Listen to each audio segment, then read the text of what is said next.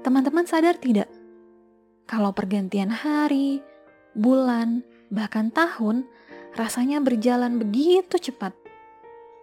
Waktu terus berganti, membentuk satuan usia yang semakin hari semakin bertambah jumlah bilangannya.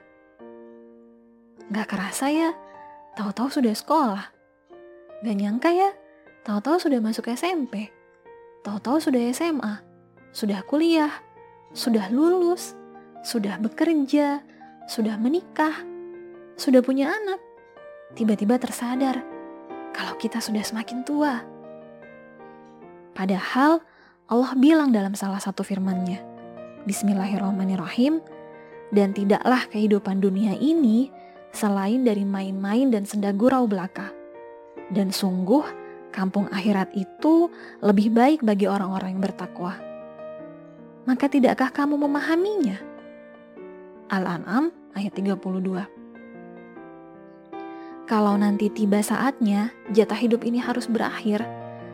Sedang kita belum ada satu apa pun yang dibawa sebagai perbekalan di kampung akhirat nanti, sedih sekali rasanya jika penyesalan itu harus dirasakan justru setelah kita berada di sana. Maka dari itu, ada baiknya untuk kita selalu meluangkan waktu memuasabah diri, mengevaluasi amalan dan ibadah apa saja yang masih jadi catatan dan perlu konsistensi dalam mengerjakannya.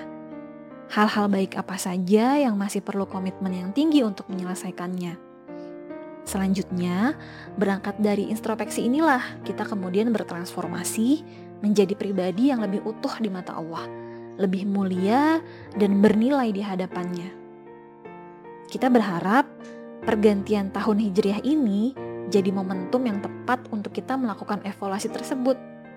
Di Muharram kali ini seolah menjadi garis permulaan untuk kita bisa bertumbuh, melakukan lompatan demi lompatan agar hidup yang telah Allah berikan kepada kita semakin terasa berkah dan manfaatnya.